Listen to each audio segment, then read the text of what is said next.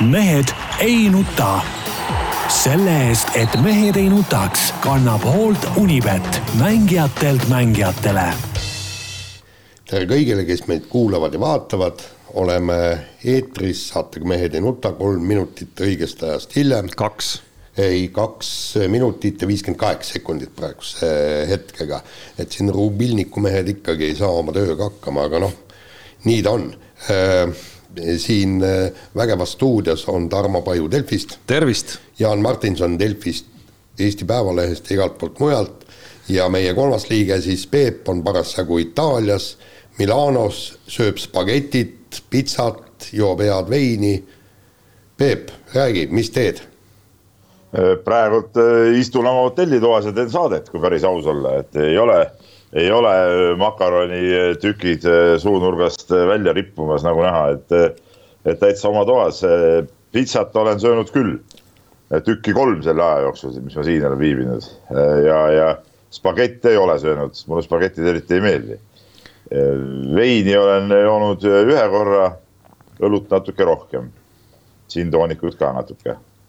Läksid Itaaliasse džinntoonikut juua, Peep no mida, mis ma tegema pean siin siis no,? peale veini sa ei tohiks seal nagu muud midagi juua eriti.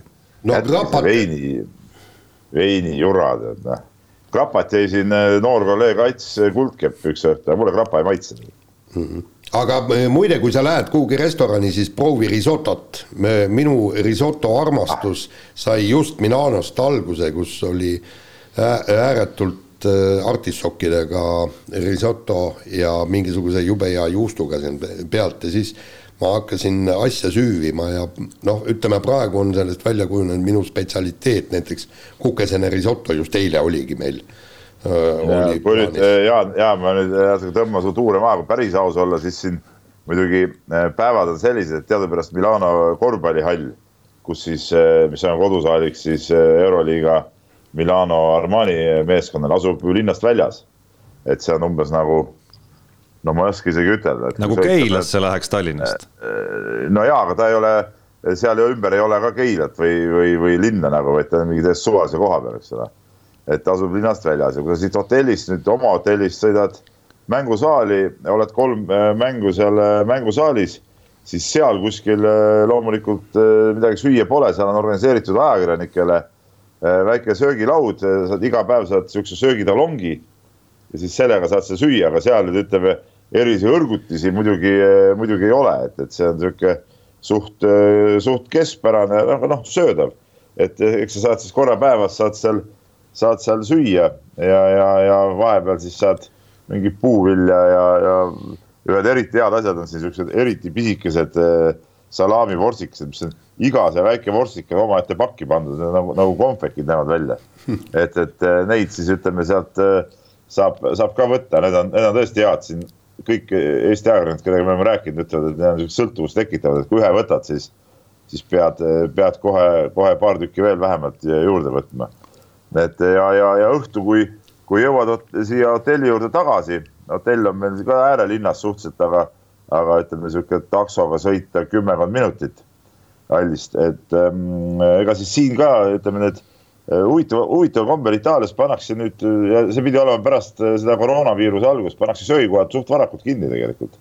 et, et äh, siin see õhtuse söömisega on isegi äh, natuke probleeme, et siin on meil lähedal on üks sihuke kebaabi koht, mida peavad mingid äh, türklased, kus, kus saab kella kaheni süüa. Ja, ja ja, ja ega siin, ega siin väga muud, muud söögikohta tegelikult nagu ei olegi õhtul, et no, äh, ja selle... kui me siia jõuame, siis on kell juba tegelikult no sihuke kaks, kui vaadata õhtule mänge ära, no siis sa jõuad siia kuskil kuskil ikkagi peale kahtteist juba. no selle jutu peale meenub hoopis, äh, ma ei tea, kas Jaan sulle ka kahe tuhande, mis ta siis oli, kuus või, Torino olümpiamängud. ja, ja, ja meie käik sinna kuskil äh, mägedesse, kõik seal toimus, ei olnud ka justkui ümberringi mingisugust äh, suurt asustust, aga hotell oli ikkagi selline, kus, kui tulid väga hilja õhtul, jõudsid hotelli tagasi pika tööpäeva järel, siis ootas seal ikka selline vist kas nelja või viiekäiguline etteaste veel, veel ikkagi nagu ees seal koos veiniga loomulikult ja olukorras. see nägi siis niimoodi välja, et kui pasta olid ära söönud, siis esimesel õhtul suure üllatusena saabus selgus, et praad on veel tulekul ja magustoit. no ja, ja ei no seda, ma olen Itaalias päris palju käinud, ma olen siin poistega mänginud ja noh, ma olen ju käinud Sardiinia rallidel, ma ei tea, korda viis või kuus isegi. et, et äh, ma olen Itaalias päris palju käinud ja seda äh, üllatust me kunagi, kui poistega mängisime siin, äh, saime ka, et noh, istusime lauda ja, ja toodi ka pasta, eks ole, no ja seal oli meil see sai kõrval ja mõtlesin ka alguses, et noh, et, et see pasta ja sai, et noh, panen seda õli sinna saia peale ja noh, saab kõhu täis, et mis siis ikka, no on sihuke söök siis olnud, et noh. see võhmisime kõhu täis ja siis et, et liha, liha nagu tuli alles pärast seda, sama sama asi, aga siin ma ütlen, meil on väga okei okay hotell muidu, suur, suur korralik hotell, väga hea hommikusöögiga, aga siin ei ole endal, hotellis ei ole nagu ühtegi seda sihukest restorani, mis õhtul ka lahti oleks. Siin nagu ja ei ole isegi all, all seda nii-öelda lobibaari äh, napsuletti, et aga küll aga siin üle tee jälle. see on küll jama ikka. Äh, ei no see on muidugi jama, noh, sest et see on üks olulisemaid asju. küll aga üle tee on üks joomakoht, mis on kella kaheni öösel lahti. seal saab äh, noh, natuke mingeid suupisteid ka võtta, et kui väga suur nälg on aga, aga see on nagu iga päev kella kaheni lahti, et, et seal ütleme, siuksed õhtused tringid saab nagu ikka ära teha ja neid oleme siin ka iga õhtu usinasti teinud no mulle selle vorsti jutu peale, kui ma nüüd Peepu hakkasin natukene sealt ekraanilt äh, veidi hoolsamalt vaatama, need ägedad äh, vorstikesed, huvitavad salaamikesed, mis kõigile meeldivad seal, siis, siis ma juba enne, kui ta ekraanile tuli, ütleme siin enne saadet, juba siis tundus mulle, aga kui see vorsti jutt tuli juurde, siis ma vaatasin, et äkki me peaks väikese enne reisi ja pärast reisi fotovõrdluse ikkagi tegema, et need põsed natuke nagu on läinud lopsakamaks. ja, ja muidugi kaalule tuleks panna ei, ka. ja, sest Peep just kiitis, enne kui me ära läksime, ma, vabandust, et ma delikaatseid isikuandmeid, äh, Peep, jagan praegu aga kuna need on väga positiivsed, siis, siis sa ei ole pahane kindlasti, kiitis, kui, kuidas ta on aina paremas, aina paremas vormis. aga see, need vorstikesed ei ole ikkagi hästi mõjunud.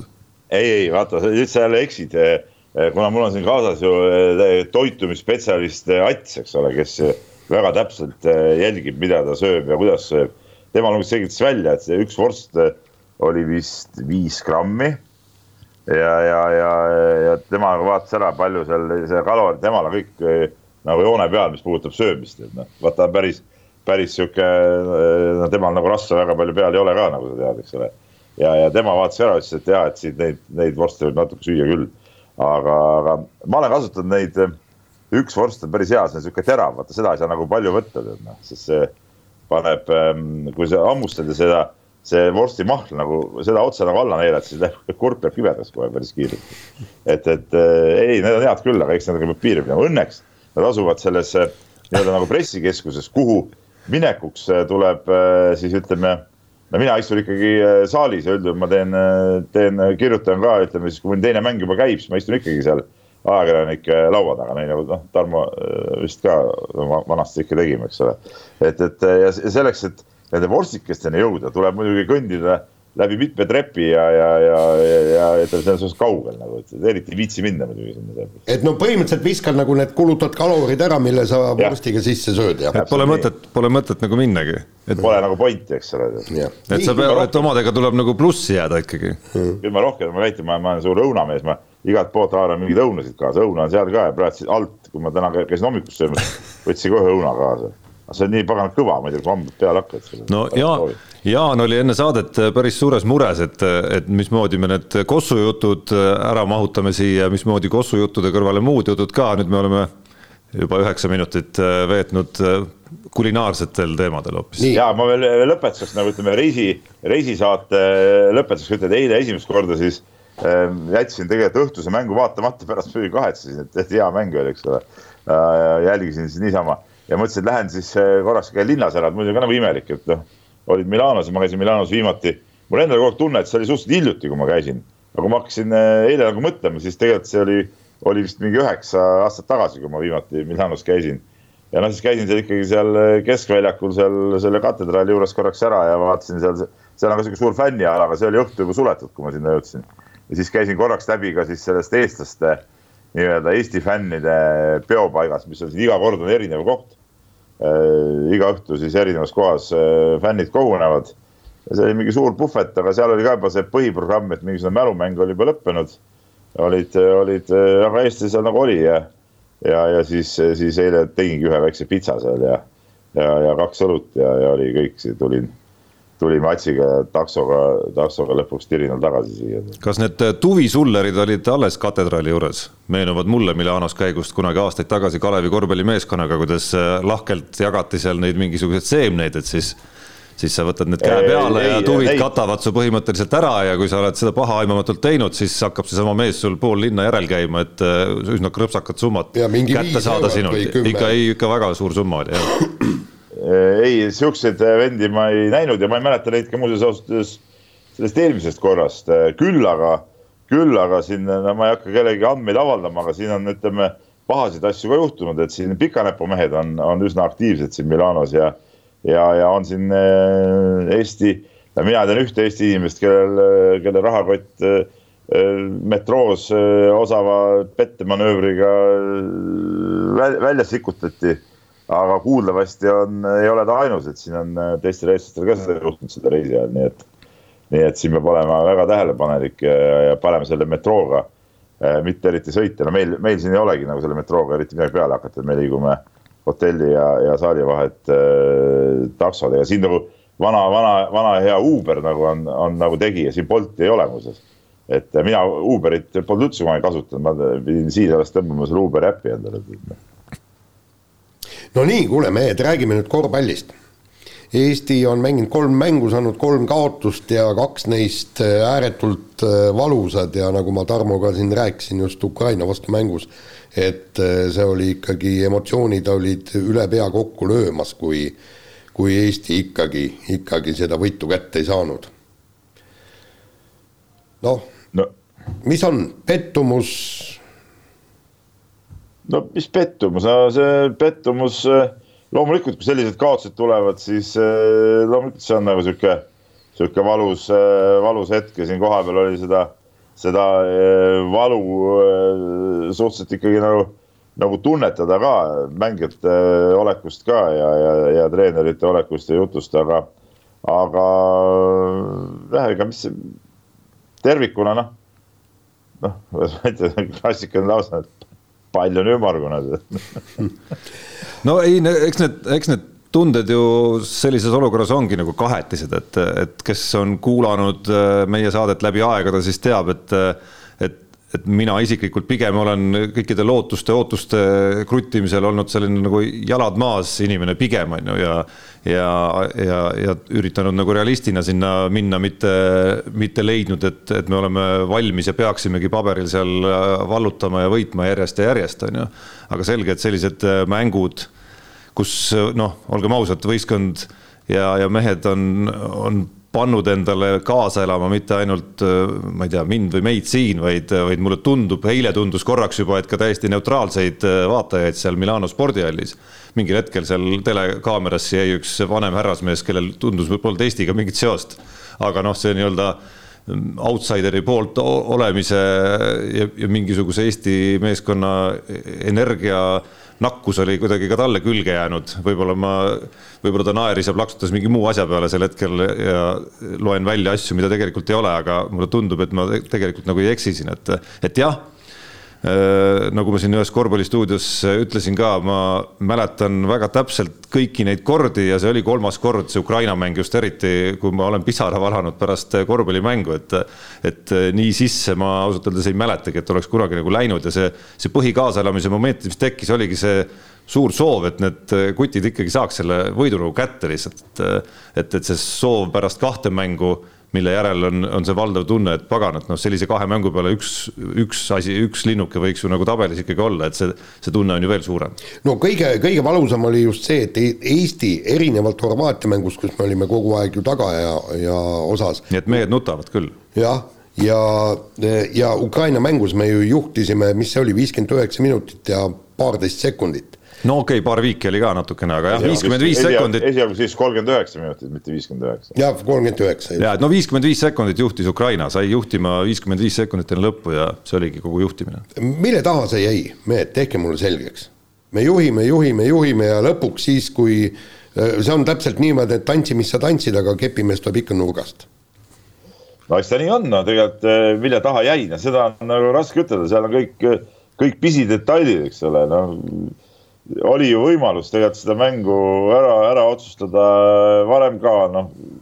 ega, siis ei õnnestunud, noh, läks selle viimase minutit ralli peale, noh, see õnnetu, õnnetu pall, mis, mis kukkus niimoodi, nagu ta, nagu ta kukkus ja, ja vastase selle kätte sai ja sealt niimoodi sisse tõstis, noh. võib öelda, et, et õnnetu loterii, võib öelda, et võitja kogemuse puudumine, noh, siis võib öelda igast asju, aga noh, kokkuvõttes, kokkuvõttes seda ongi raske seletada, noh, et, et see lihtsalt see mängu lõpp läks nii ja, ja nii ongi, pigem see ikkagi on, pigem see on ikkagi natuke see, see nii tähtsa mängu võit, võidu vormistamise kogemuse puudumine, arvan mina ja et no kui sa, kui sa niimoodi kaotad nagu Ukraina, et eile Horvaatia vastu me olime ju siiski noh, tagaajaja suurem osa mängust, et esimene veerand aga välja arvatud, me olime need, kes üritas seda mängu kuidagi tasa saada ja kõik need üritused, mis lõpus toimusid, olid ju ka selleks, et viik kätte saada, mitte veel me ei rääkinud, et me, et me võidust kinni olime, et Ukraina vastu oli see pilt äh, risti vastupidine ja noh, sealt nüüd leida äh, see üks koht, mis oleks pidanud teistmoodi minema, siis leiab neid ju väga palju, on ju, et kui minna mängu kuskile varasematesse perioodidesse siis äh, saab minna kuskile kohtadesse, kus, äh, kus ma ei tea, noh, olles kuulanud ka siin kõiki lisaks enda saate tegemisele ka teisi analüüse ja saateid, noh, kuskile kohtadesse, kus me isegi olime kümnega ees ja, ja seal võib-olla tagantjärele vaadates üks äh, mitte enam nii distsiplineeritud rünnak võib-olla siis oli see, mis natukene hakkas Ukrainat tagasi aitama. ja kui, ja kui sa siis lõppu lähed, siis noh, Kristjan Kitsing viskab sealt alt sisse, pluss viis on vahe, oleks ilmselt see võit käes olnud Äh, seesama lauapall oleks keegi üles korjanud, oleks see võit ilmselt käes olnud, et, et mis järeldust sellest, nendest üksikutest episoodidest nüüd teha, noh.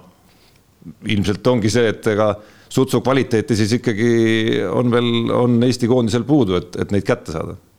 No kvaliteeti on, on puudu ja, ja noh, tegelikult olgem ausad, noh vaadates seda, kuidas Ukraina näiteks eile mängis äh, Itaaliaga ja sai ju väga-väga vägeva võidu ja, ja samas noh, oli ilmselge, et meil nagu Itaalia vastu polnud polnud äh, mingit varianti, siis, äh, siis peab ütlema, et tegelikult kokkuvõttes mängisime seda Ukraina vastu ka isegi, isegi nagu väga hästi, et, et, äh, et, et see mäng niimoodi meil välja tuli, teine asi, võtame kasvõi seesama Horvaatia, kes noh, kui ma vaatasin, kuidas Horvaatia mängis avamängu, oli see siis Kreekaga, eks ole.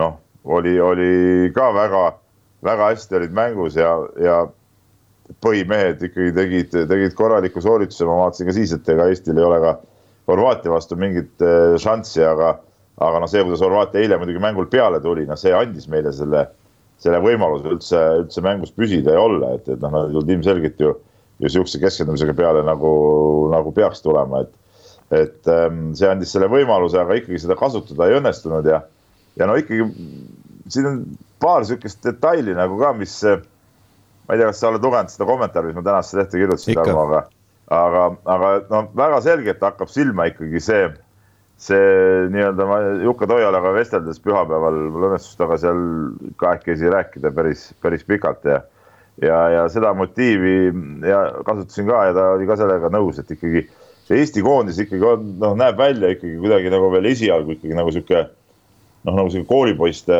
punt nagu nende muude, muude satsidega võrreldes. ma jätan Suurbritannia kõrval, no see noh, Suurbritannia on, on nagu ta on, eks ole. mis ei tähenda Aga..., ma segan vahele, et see täna väga lihtne mäng saaks olema. ja ei, täna ma arvan, et väga raske saab olema. väga vastupidi ja nõus, nõus.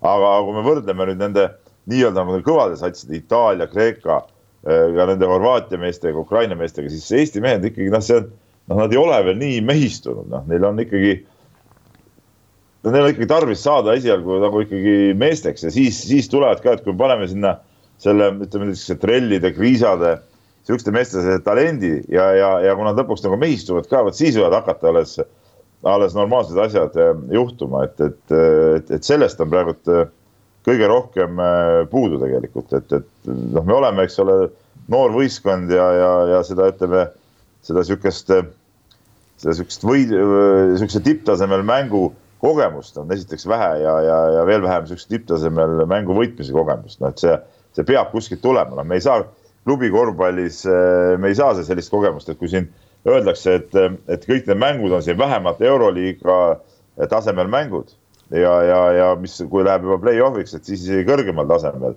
kasutasin praegu siin Jukka Toiala väljendit ka, siis, siis noh, meil ei ole siukseid mehi, kes sellisel tasemel üldse oleks kunagi mänginud, et nendest kõikidest teistest satsides on need äh, mehed olemas. Peep, vaata siin sa räägid mehistumisest, kogemustest, kõik on, kõik on õige, aga, aga tegelikult on ka nii-öelda isikliku isiklikku kvaliteeti on vähe, ma just Tarmole hommikul tõin näiteks, eile oli, mitu korda prooviti Kotsarile sööta läbi mehe, sealt oli eemalt näha. nulli otsast. ja nulli otsast, seal oli eemalt näha, et et, et see pall ei lähe läbi ja ma mäletan just, kui ma omal ajal noorteklassis mängisin ja üritasin niisugust söötu teha, siis äh, treener Germon võttis selle palli, viskas, viskas sellele söötjale rindu ja küsis, et kas ma saan selle palli sinust läbi visata, ei saa.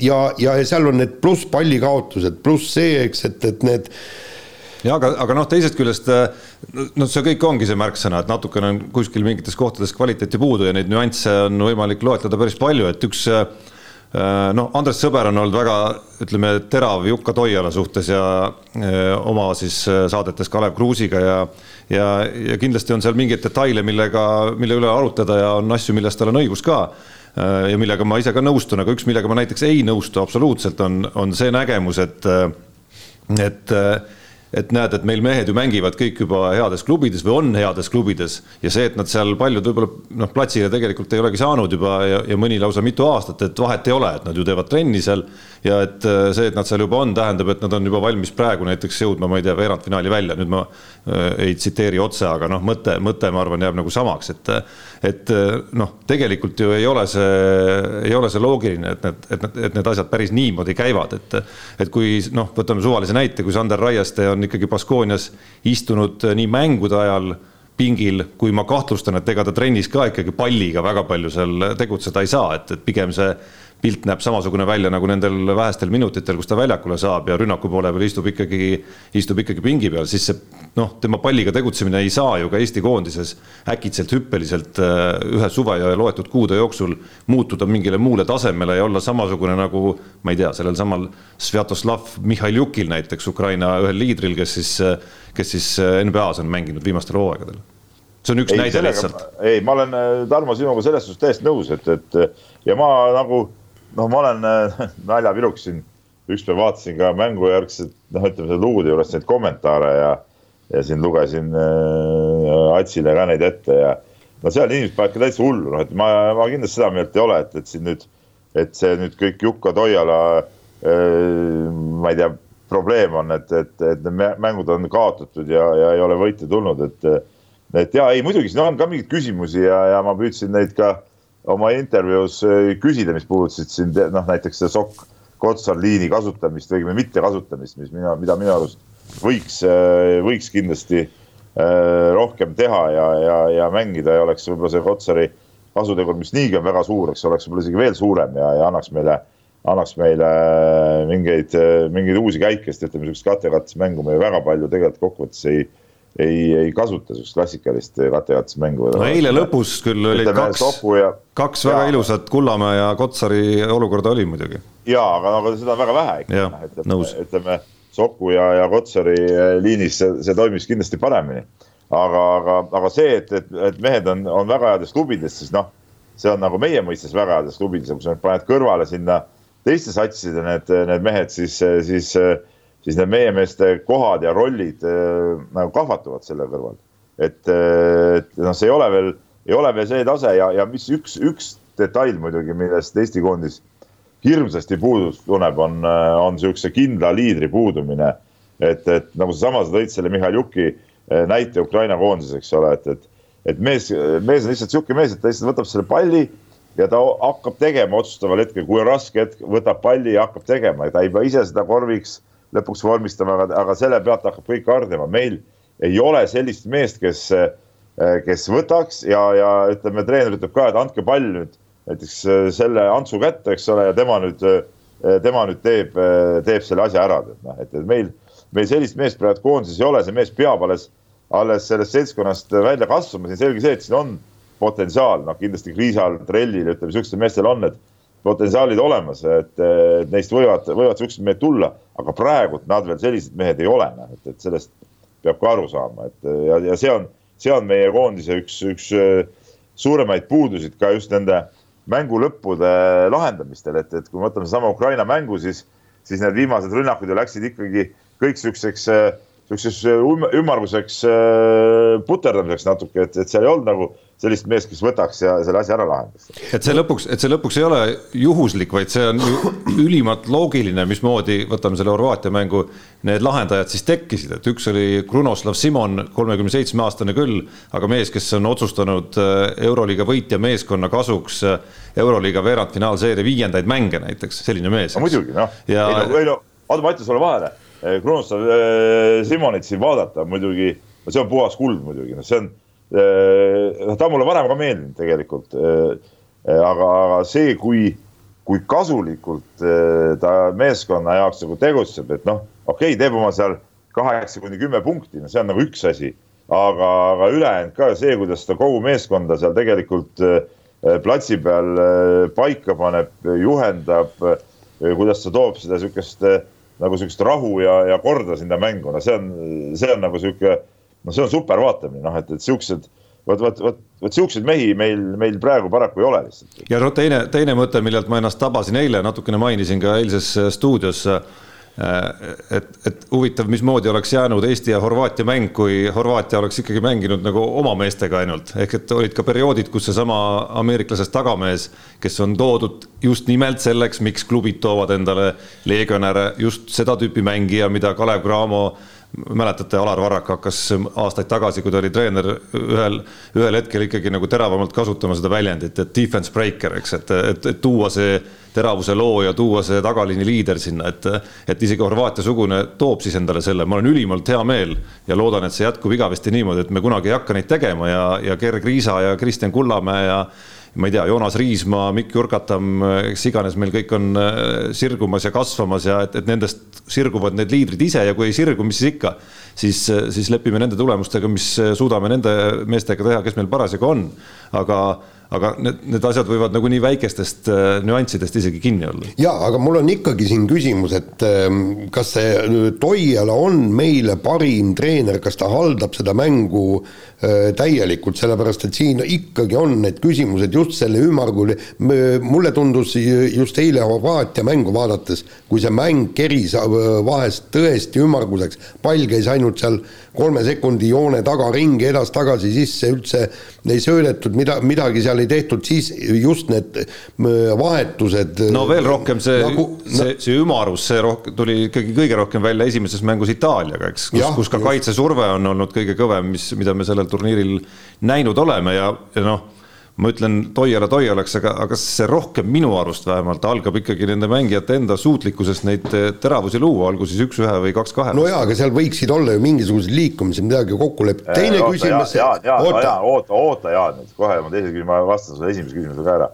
kui sa nüüd vaatad tähelepanelikult neid mänge, mis siin äh, mängitakse, eks ole, milles seisneb nagu nende, nende kõvade meeskondade äh, sihuke, kuidas ma ütlen, nagu põhijoonis, põhijoonis on see, et mängitakse nii-öelda sisse-välja mängu või äärelt äärele mängu. selleks, et mängida sisse-välja mängu või äärelt äärele mängu, on tarvis suuta palliga sisse minna. ehk siis sa pead suutma palliga vähemalt jõuda kolme sekundi alasse, et siis uuesti välja sööta, et sellel ka mingisugune efekt oleks, et, et, et see, seda me ju räägimegi sulle praegu kogu aeg, et meil ei ole seda individuaalset meisterlikkust nii palju veel no aga, ja aga... teine küsimus on muidugi need eh, hokivahetused viisikute kaupa, noh. aga noh, kuhu Jaan nagu tahab tüürida, noh, küsimusena on ju igati õige, et me räägime, et on tulevikumeeskond, et, et ühest küljest markeerime praegu ära Ja loodame, et eh, täna õhtul saame juba öelda, et meil on võit ka kirjas, aga hetkel peame ära markeerima, et, et poisid on olnud kahtlemata tublid, et see pettumus käib käsikäes sellega, et, et kaks väga ägedat elamust on Eesti koondis pakkunud, mis on spordi mõte kõige suurem, ma arvan, ja ma usun, et seal, seal Milanos kohapeal ka see fänniarmee noh, meeleolu kindlasti on midagi hoopis muud, kui oli näiteks Riias pärast kaht mängu. aga jah, et kui me räägime ka tuleviku perspektiivist ja tulevikumeeskonnast, siis, siis ka sellele mõeldes on ikkagi nagu võitu ka vaja ja selge, et meil tekib hiljemalt äh, vist praeguse maailmameistrivõistluste valiktsükli lõppedes, mis peaks veebruaris olema, tekib ju ma täpselt peast ei tea, Peep, sa võib-olla tead, mismoodi peatreeneri leping on, aga kindlasti tekib ju ka see küsimus, et okei okay,, meil on pikem plaan. On ta siis masterplaan, on ta siis mõeldud kolme aasta pärast toimuva EM-i jaoks või, või veel järgmise EM-i jaoks. aga noh, see küsimus ikkagi tekib, millele siis Eesti korvpallijuhid peavad ju otsa vaatama, et, et kas me seda plaani läheme edasi täitma siis Jukka Toialaga või leiame, et äkki on hoopis keegi teine ja, ja siin ma usun, mängib noh kindlasti ja peakski ka mängima mingit rolli ka see, et kas me, kas me kuskil vahepeal võidame ka või mitte, et kaheksa kaotust järjest ametlikes mängudes on siiski ka tõsiasi, isegi kui need on saadud noh, noh paberil meist kõvemate vastu. ei no nõus, loomulikult siin on, on mõttekohti ja, ja tuleb arutada, aga ma arvan, seda ei ole äh, paslik ega mõttekas arutada keset äh, finaalturniiri praegu, et seda, seda on vaja vaadata siis, kui turniir on läbi, teha, teha analüüsid, arutada, arutada neid teemasid, et et äh, jah. et noh, kui, et kui, et kui ma, see. ma arvan, et miks, miks ka mitte ei võiks äh, hoopis näiteks noh, ma ei tea, Heiko Rannula või keegi ka selle üle võtta, aga, aga ma praegu ei ütleks küll, et need, et, et need null kolm on nüüd äh, nagu otseselt nagu Toiala, Toiala süü, muidugi võib küsida jah, kõik need vahetused, mis sa Jaan räägid kõik on õige, no otseselt viie kaupa vahetust me oleme nagu näinud tegelikult, aga. no kolm-neli on, on vist. ja kolm-neli on tulnud, aga see mõnikord, aga see mõnikord tuleb ka sellest, et, et äh, sa paned, eks ole, mehe vahetusse, seal mäng käib edasi, siis sa näed, et ai teist on vaja ka vahetada. paned teise ja kolmanda ka veel sinna juurde, siis lõpuks, kui mäng seisma jääb, siis ongi kolm meest korraga vahetuses, et, et. et see võib, võib ka sellest tulla ja, ja, ja üks asi, mida ma ei tea, võib-olla teisel läbi teleka ei, ei näe nii hästi on see, et äh, mängijad ise küsivad äh, vahetust päris, äh, päris usinasti ja päris kiiresti, et siin nagu. see on ka jälle üks, üks detail, mis, mis võib-olla eristab meid teistest, et me rääkisime, me ei ole nagu, et me näeme nagu välja nagu koolipoisid, aga, aga meil see füüsis ikkagi ei ole, ei ole võib-olla ka päris, päris sellisel tasemel, et, et et ei jaksa seda tempot ja kuna sa, kui sa pole harjunud ka siukse, siukse tempo ja pluss erakordselt jõulise mänguga, mida siin lastakse mängida, eh, pole harjunud, siis sa väsidki kolme-nelja minutiga ära ja küsid vahetust ja ja kui kõik need mehed väsivad nii kiiresti ära, siis, eh, siis vahetus tulebki korraga teha, no sa ei saa ju hoida platsil meest, kes sul käed ristis seal ringi jookseb, et võtke meid välja, eks ole. See on üks asi, teine asi on see, et, et mis seda füüsist ka puudutab, no see on, see on nagu super näide, seda on nüüd, seda on nüüd toodud siin söögi alla, söögi peale seda, seda Kreeka superstaari Giannise Äh, näidet, kes nagu iga jumala päev on seal äh, meeskondade hotelli jõusaalis, äh, teeb oma asju, oli õhtu hilja oli mäng, hommikumees oli juba seal, tegi nelikümmend viis minutit oma nii-öelda kerehoolduse trenni, lihashooldust, asju seal kangi peal, et, et see, vot, vot kui nüüd, kui nüüd meie kutid nagu sellest õppust ei võta, vaata siis, siis nad ei võta nagu millestki õppust ja vot seda ma tahtsingi küsida, et, et kuidas sina nüüd kõrvalt näed või tead, et, et, et meil ikka võetakse seda asja rahulikult, et trenni nagu selle turniiri ajal ilmselt ei tehta, vähemalt individuaaltrenni midagi. mis see individuaaltrenn? no Giannise moodi. no vaata, Jaan, Jaan, kas sa oled rumal või sa mängid rumalat? nimelt.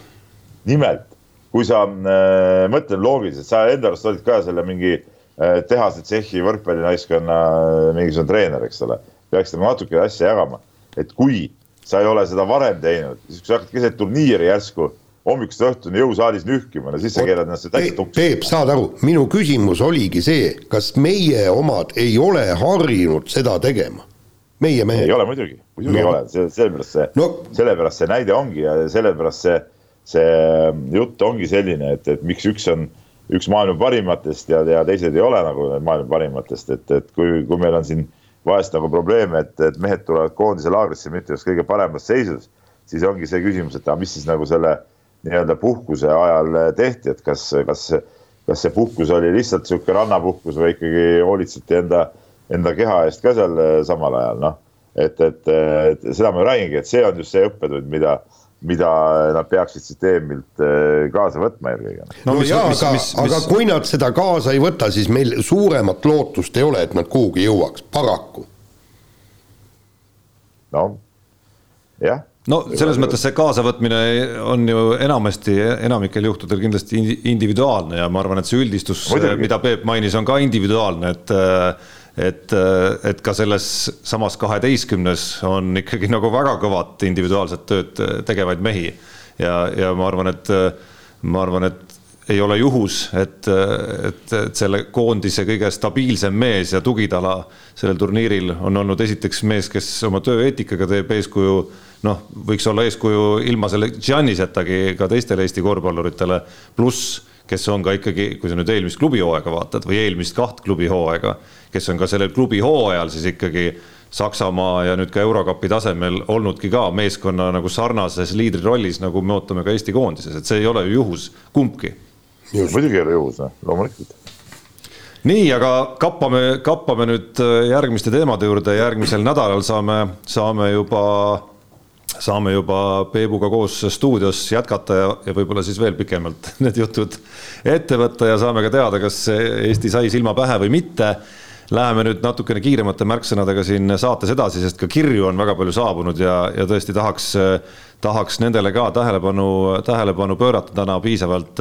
ehk siis US Open tennises sai, sai Eesti naiste jaoks läbi ikkagi suhteliselt kiiresti ja tipphetk kahtlemata oli siis Anett Kontaveidi kohtumine Serena Williamsiga. kahjuks ei õnnestunud temal Serena Williamsi karjäärile siis joont alla tõmmata, kuigi oleks olnud väga efektne vaadates ja kuulates, milline see atmosfäär kogu seal, kogu seal väljakul ja väljaku ümber oli.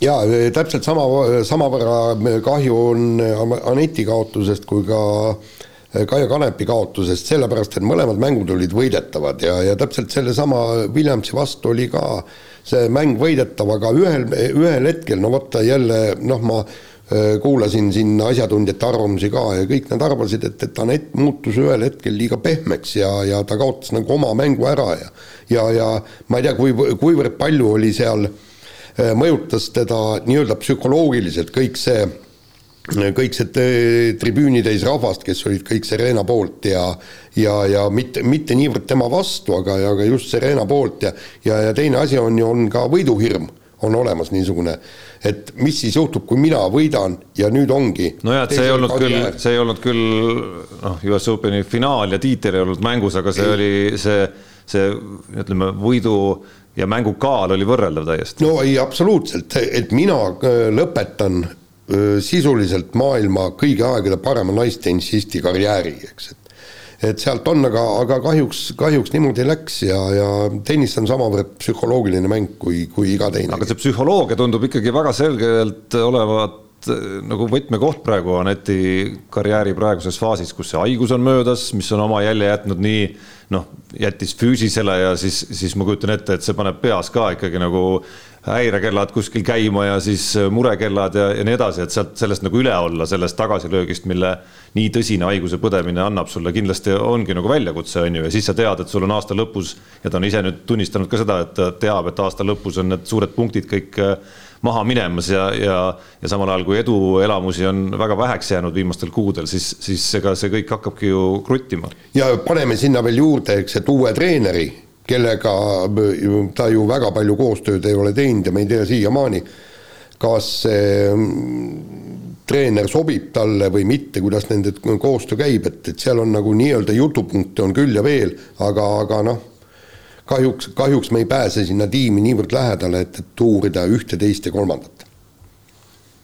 no see, mis siin oli püstitatud küsimus ka, et kas eh, publik eh, tegi nii-öelda liiga talle ja, ja ja mõjutas seda nii palju, et see on, see on ka sihuke huvitav teema tegelikult, et eh, ma tean väga paljusid sportlasi, kellele meeldib just see, kui publik on tema vastu ja, ja suudab, suudab tänu sellele hoopis, hoopis paremini ennast kokku võtta, et et eks siin on, eh, eks siin on üht-teist jälle, kui me räägime siin õppimist, rääkisime korvpallurite juures, ega Anett Kontantil on ka siin üht-teist nagu õppida veel, et kuidas sellistes olukordades endaga, endaga hakkama saada, noh, et tegelikult eh, see sihuke möll ja see on ju hoopis, hoopis vägev, et seda ei tohiks nagu võtta enda enda suhtes nagu negatiivsena. jaa, aga, aga selleks sa pead olema erakordne sportlane, ma just lugesin läinud nädalal mm, see, noh, ütle nüüd.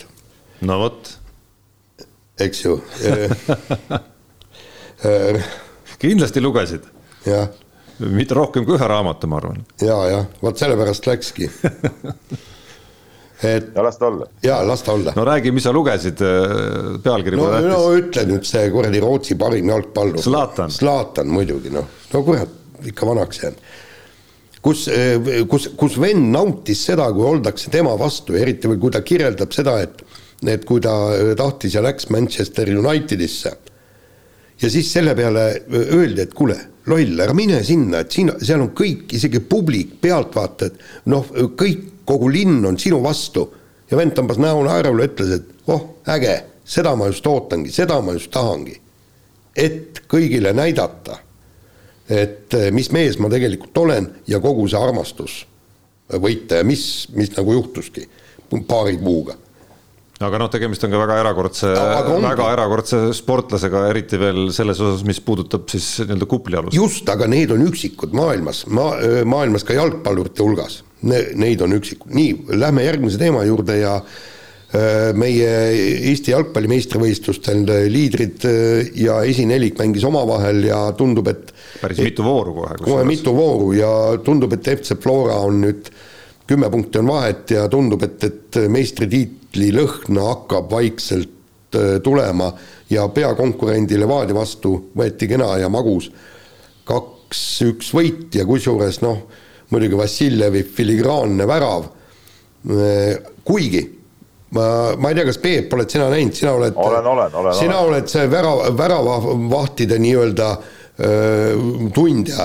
Eesti parim äh, väravavaht teoorias. nii, et seal oli ju tegelikult äh, Vassiljev lõi palli sinna nurka, kus väravavaht oli ja ikkagi tuli sealt ära, et, et eks seal oli ka väravavahil üh, üht-teist tööd üht,. üht-teist kindlasti, teine see võib-olla näinud seal õige momenti ikkagi piisavalt, piisavalt hästi, et, et see sein, ma ei tea, kuidas seal, kuidas need mehed seal ees olid, aga ja nii kaugelt tuleb pall ja pall lendas päris kaua tegelikult, et, et selle selle tegelikult ikkagi oleks pidanud sealt äh, välja, välja konkima.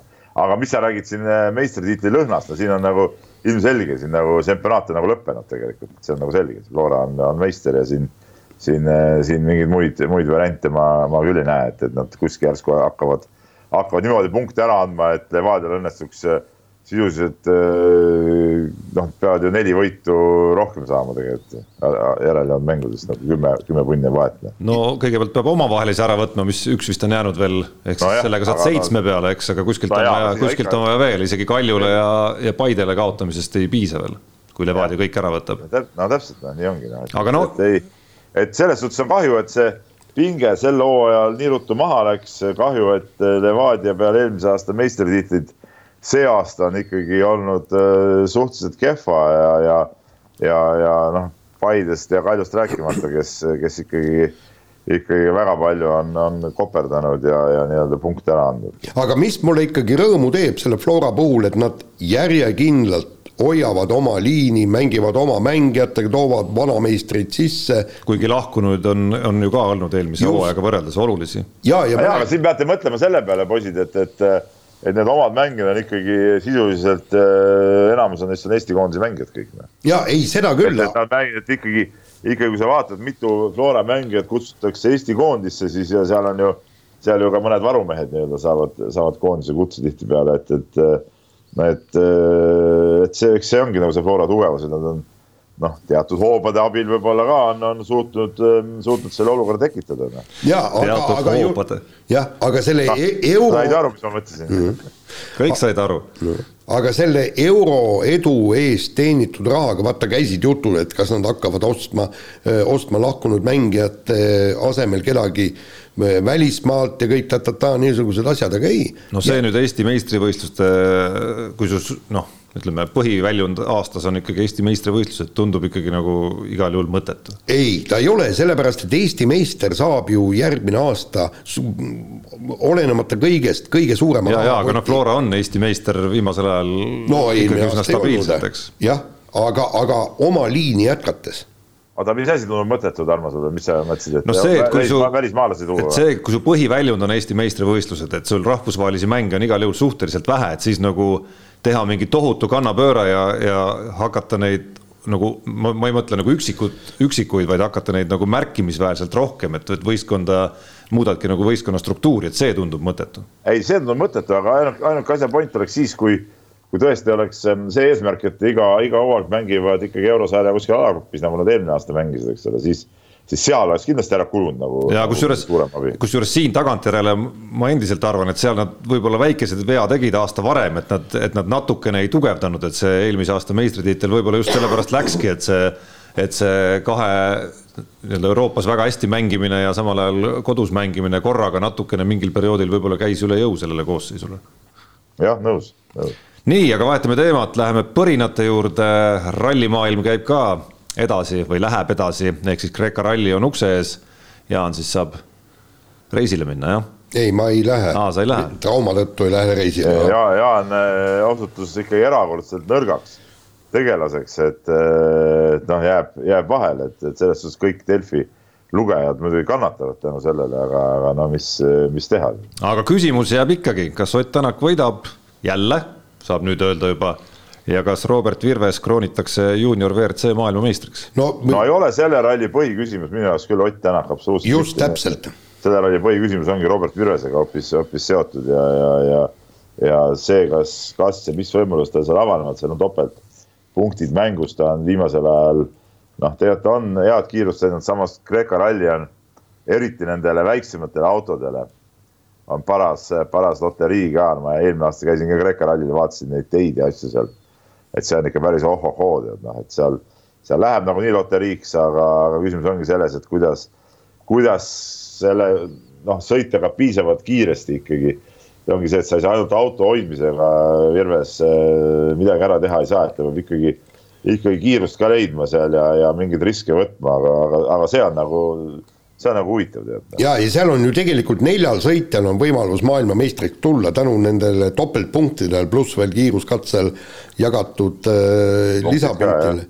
nii, ja, ja, ja tegelikult sisuliselt ta ikkagi tuleb nii, kes võidab selle ralli, on maailmameister kuna seal on ainult kuusteist kiiruskatset ka ja no vaevalt, et, et, et kõiki neid äh, võidetakse, et et äh, siin peab olema noh, nagu mõistust ja õnne, eks, mõistust just see, et, et sa oma autot liialt äh, ei trööpa ja õnne, et, et tõesti kivid sulle sinna vales kohas ratta alla ei jää ja, ja, ja ma, tundub tõesti, et see on loterii ja vaata, mäletad ju, Peep, kui me käisime Walesi rallil, kus äh, Urmo Aava võitles MM-tiitli pärast. nii, siis oli ju kõik, tähendab tema ja kes see oli, see oli see rootslane vist, äh, kes äh, lõpuks ja. tuli, mõlemad lõpuks, ju sõitsid või? ja lõpuks võitjaks tuli, maailmameistriks tuli see Peeter Sandell hoopis. hoopis see üllatusmees, kes, kes lõpetas ralli niimoodi, et auto toodi, toodi treileri peal äh, ralliparki, seal oli küsimus olnud selles, et kas nad jõuavad selle õigeks ajaks või mitte, et seal oli mingi ajapiirang, ma ei mäleta, kas kolm tundi või neli tundi peale ralli lõppu pidi see auto seal olema ja ja, ja, ja siis, siis see jõudis õigeks ajaks kohale ja tänu sellele rootslane tuli maailmameistriks, aga pärast seda me pole tast suurt midagi kuulnud enam. jah, et, et, et täpselt samasugune stsenaarium võib ka Kreekas toimuda, et, et põhimõtteliselt kõik neli venda noh, moel või teisel kasvõi siis katkestavad või siis jätkavad äh, jätkavad seal superralli süsteemis ja see, see on üldiselt, üldiselt väga segane värk, aga no mis Ott Tänak, Ott Tänaku puhul on täpselt nii, et, et eks, eks näeme, kuidas Hyundai on, põhiline on vastupidavus sellel rallil. Ja, ja väidetavalt ongi siis nüüd vahepeal vahepeal tehtud kõvasti tööd, autot ei ole niivõrd arendatud, kuivõrd teda vastupidavaks tehtud. et, et, et seal selgubki. ralli lõpus näeme, kas Ott Tänak võidab või mitte no aga nii on. kust see tuli jälle? ei no jaa, aga sa ei, ei no aga proovi nüüd, ma kujutan ette, et maailmas ei ole mitte ühtegi inimest, kes suudaks hakata midagi asjalikku nagu selgitama, et ma arvan, et võitjaks tuleb Kule, see selle enamikes et... teemades, Jaan, ei ole läbi aastakümnete see seganud sind äh, selliseid asju arvamast, aga nüüd, nüüd siis äkki leidsid, et äh, nüüd kaks tuhat kakskümmend kaks Kreeka ralli eel on, äh, on mõistlik, paslik ikkagi öelda vahelduseks, et, et elame-näeme nii. kuule, vaadake nüüd kella ka ja jätke tühi, tühi. kus sul, sul on kiire kuskil või? ei, mul ei ole mingit kiiret. no meil ka ei ole. No okay. ikka tööle oleks vaja minna, nii, aga võtame järgmise teema ja Kristin ta, äh, Tatar äh, krooniti äh, Ameerikast discgolfi maailmameistriks, eh, eurooplased eh, pole seda tiitlit, eh, ma ei tea, mitukümmend aastat võitnud, kõik on ameeriklannade siseasi olnud, aga, aga nüüd ikka võimsa tulemusega, mis ta oli, kaheksa viset parem kui, kui järgnev ja, ja nüüd ongi, sul on võimalus kirju ette ja, lugeda. et see on see koht, kus on mõistlik mõned meile saabunud kirjad juba, juba praegu ikkagi menetlusele võtta kusjuures huvitav oli see, et, et see Kristin Tatari maailmameistritiitel sedavõrd tähelepanu pälvis, et meil oli ikka mitu-mitu-mitu kirja oli tulnud. aga miks, miks see imelik on? minu arust ei ole see ka imelik, sest minu arust juba... imelik, sest Eestis discgolfi, nagu ma isegi käin aeg-ajalt natuke mängimas, tõsi, see aasta olen jõudnud häbematult vähe seda, seda teha, siis siis nähes, kui palju ikkagi reaalselt neid mängijaid on, siis äh, siis ma üldse ei imesta, et see ala on ülipopulaarne. kusjuures mida, mida vaikselt on olnud ka, ka uudiste lugejanumbritest näha, on see, et eh, kasvõi kasvõi sellesama Kristin Tatari noh, käekäik ja, ja uudised sellest, kuidas tal on läinud siis mingitel väiksematel etappidel ja, ja võistlustel, ka need ikkagi on näidanud selgelt, et see huvi on olemas, see huvi on kasvanud. aga kui nüüd kirjadest rääkida, siis, siis eks see, eks see sõnum ja küsimus või arvamus, mida, mida meile on saatnud siin kolm kirjasaatjat, siin on meil Hans, siin on meil Peeter ja, ja teadlasele Priidikule on tekkinud meil ka üks konkurent, teadlane Vidrik Rakverest kes kirjutab meile ka discgolfist, aga, aga võttes nüüd jah kokku need, need põhilised kohad nende kirjadest, siis äh, esiteks küsimus Hansult, äh, kas Kristin Tatari maailmameistritiitel on puhtalt ülemaailmset harrastajate arvu, mitte mingit abstraktsemat kandepinna parameetrit, äh, nagu näiteks puhta profina tegutsevate inimeste arvu, arvesse võttes taasiseseisvunud Eesti kõige võimsam maailmameistritiitel, endal küll ei tule esimese hooga pähe viimase kolmekümnendi seest ühtegi mm kulda alal, millega tegeleks rohkem inimesi kui diskgolfiga Peeter, noh, sekundeerib põhimõtteliselt äh, kirjutades siis, et äh, kuhu ja, ja küsides siis, et kuhu see tulemus Eesti spordis paigutada. tegemist ei ole marginaalalaga, sest isegi Eesti meistrivõistlustel on osalejaid mitu korda rohkem kui näiteks äh, staadioni kergejõustikus või, või rääkimata suusatamisest ja, ja juba mainitud Vidrik Rakverest siis loetleb samuti, kuidas meil on diskgolfi väljakuid juba üle kahesaja mis teeb keskmiselt eh, üle kümne väljaku maakonna kohta, isegi Vormsil, Kihnus, Naissaarel kui ka näiteks Iisakul.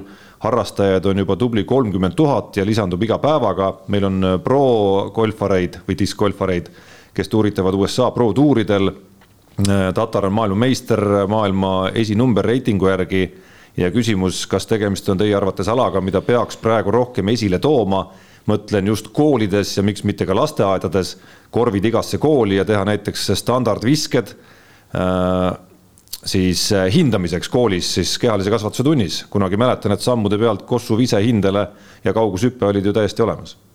no hakkab sealt pihta, et, et tõesti või, võib ju olla niimoodi, et äh et see maailmameistritiitel on tõesti harrastajate arvult kõige suurem, kuigi, kuigi ma, ega ma väga täpselt ei tea, kui palju on Aasias, Aafrikas, Ladina-Ameerikas, kui palju seda mängu harrastatakse, me räägime ikkagi praegu Ameerika, võib-olla Kanada pluss Euroopa. ja seda ja, ja kuivõrd palju see Euroopaski on, see on ka ju nüüd järgmine ei, küsimus. ikkagi, ei, Euroopas on ta, kui sa vaatad isegi noh, ma ei tea, ma olen Soom-, ma olen näiteks Soomes kui ma käin Jyvaskyla rallis. Põhja, Põhjamaal jah. ka, ka seal mängin alati, et seal on rajad, rajad ka inimesed, inimesi täis. jah, aga, aga samas mul poeg tuli näiteks Saksamaalt, ta võttis need, äh, seal on ka, mängis ka seal diskgolfi ja siis tal sõbrad tulid siia mängima ja nad ütlesid, et jumal küll, et teil on täielik paradiis, et meil ei ole Saksamaal isegi midagi ligilähedastki sellest, sellist, mis teil Eestis on, kui palju radu ja kui ägedad rajad, eks. aga, aga nüüd, kui palju nüüd tippspordi mõistes see MM-tiitel äh, väärt on, siis me Tarmoga natukene arutasime, et no see on see, millele Hans ka viitab küsimuses, et, et, et ühel pool on harrastajad, teisel pool siis nii-öelda puhtad profid, aga noh, mis puudutab seda, kui suureks ta maailmas läheb, siis siin ikkagi hakkab määrama päris palju see, et, et kui suureks siis see profi osa kasvab. Just täpselt, kui me võtame, võrdleme seda nii-öelda päris golfiga, siis äh, nagu ma ütlesin, maailmas on tuhandeid golfiproffe. Igas äh, noh, igas piirkonnas on oma profiliigad, siis on veel challenge sarjad, Euroopa sarjad, Aasia sarjad, Austraalia sarjad, Ameerika sarjad, Ladina-Ameerika sarjad ja sealt madalamad sarjad. ja, ja tuhanded mängijad proovivad saada nüüd siis sinna nii-öelda Ameerika tuurile või Euroopa tuurile. et, et discgolfis ilmselt ei ole tuhandeid ja tuhandeid proffe, kes kõik pürgiks, tegelevad ainult selle alaga ja, ja pürivad, pürivad siis noh, nendele tippturniiridele, kuhu pääseb sadakond või. aga kas sa tead, Jaan, mitu profi on Eestis näiteks? no meil on vist, palju neid on, kas kolm, kolm-neli profi on meil Eestis? aga mitu golfiprofi Eestis on? no umbes sama palju, ma pakun välja ma ei tea ühtegi. no sõltub, kuidas lugeda, selles mõttes golfis pro tähendab natuke teist asja, et seal on treenerid ka kohe, et mängivaid profe on vist üks tegelikult ainult, Sander, Sander Aadusaar ma pean silmas mängivaid profi, ma seda treeneri, treeneri asja ei pea profiks. ja aga, aga no vot sealt tulevad ka mängu, mängu nagu mitmed, mitmed muud nüansid ja, ja me ei saa nagu Eestit vaadata, meie oleme, vot siin ongi, vahe on selles, et diskgolfis me oleme maailma absoluutses esirinnas. aga päris golfis noh no, no mitmed tuhanded on eespool lihtsalt. jaa, ei absoluutselt, tähendab kultuurigi pole sellist. no jaa, aga me peame ikka lähtuma sellest, mis meie jaoks on oluline, meie jaoks on meie inimeste jaoks discgolfi mängimine on oluline, peamegi sellest lähtuma, noh. ei, just, aga, aga, aga ma ütlen, et. miks sa, miks sa, Jaan, vaimustusid äh, näiteks, ma ei tea, no võtame siin naiste trekisõidu, naiste trekisõidu sprindist, kui seal oli võib-olla mingi kümmekond äh, normaalset osalejat üldse.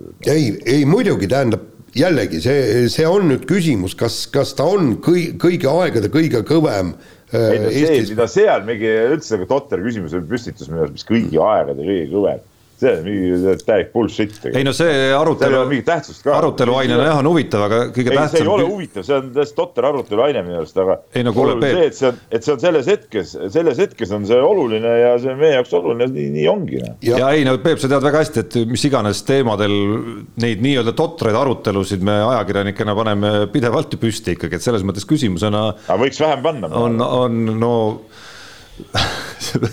Peep, sinu enda juhitud sporditoimetuse veergudel nii Delfis kui Eesti Päevalehes on ju neid püsti pandud küll, et miks sa neid siis nii palju oled äh, lasknud teha?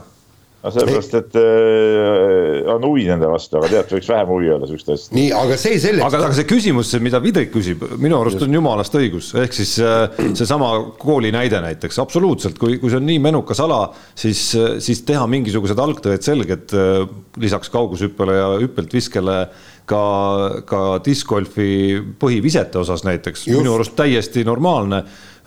üks kehalise kasvatuse põhi, põhieesmärke võiks olla, et, et lapsed leiavad endale selle ala, mida, mis elus võib-olla neile meeldib ja, ja millest tekib neil püsiv liikumisharrastus, palun väga. just ja, ja teine asi on raudselt. et praegult on ju iga, peaaegu iga inimese kodus on ju ka korv olemas, kuhu, mida, mida mängitakse. no ja isegi kui sa, isegi kui sul koolis muid asju ei ole, siis paar discgolfi äh, seda võrku kuskile kooli taha või külje peale kuskile sinna puu alla panna, no on võimalik vist iga kooli juurde Eestis. isegi kesklinnas Tallinnas. just ja järgmine asi on see, et, et kõik see, kelle, kõik need koolid, kellel on see discgolfi väljak enam-vähem lähedal klassidevahelised võistlused, nagu omal ajal olid, eks. Jaan, Jaan, ära no. aja segast juttu. miks?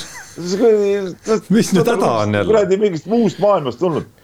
muidugi peaks olema võistlused, peaks olema ka koolivõistlused, klassidevahelised, kergejõustikus, korvpallis, jalgpalli.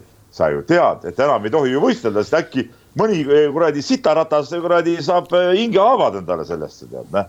sa tead ju seda, noh. no nüüd läks Peep närvi kohe.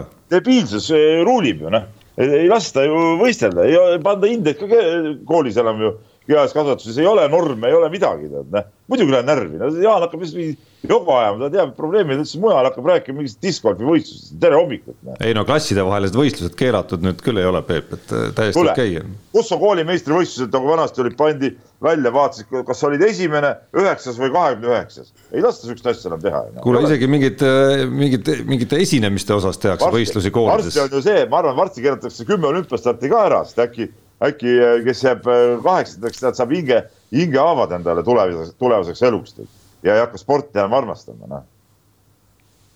no nii, nüüd. niisugune lollus ju ruulib. nüüd sai see teema võetud ikkagi kokku kohe, kuidas öelda, reljeefselt. laseme kõlli